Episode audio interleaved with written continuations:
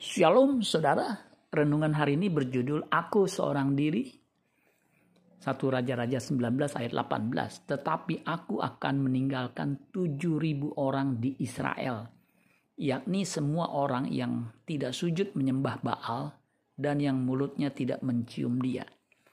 Elia merasa frustrasi karena ia merasa hanya seorang diri yang hidup benar di hadapan Allah.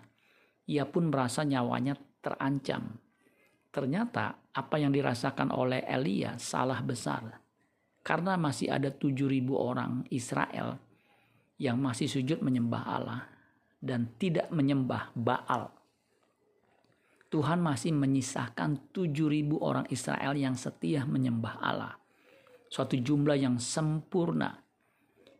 Di zaman now yang disebut masa yang sukar, di mana orang makin jahat dengan segala karakter buruk seperti dijelaskan oleh Rasul Paulus dalam 2 Timotius 3 ayat 1 sampai 5. Ketahuilah bahwa pada hari-hari terakhir akan datang masa yang sukar. Manusia akan mencintai dirinya sendiri dan menjadi hamba uang. Mereka akan membual dan menyombongkan diri. Mereka akan menjadi pemfitnah. Mereka akan memberontak terhadap orang tua dan tidak tahu berterima kasih, tidak mempedulikan agama, tidak tahu mengasihi, tidak mau berdamai, suka menjelekkan orang, tidak dapat mengekang diri, garang, tidak suka yang baik, suka mengkhianat, tidak berpikir panjang, berlagak tahu, lebih menuruti hawa nafsu daripada menuruti Allah.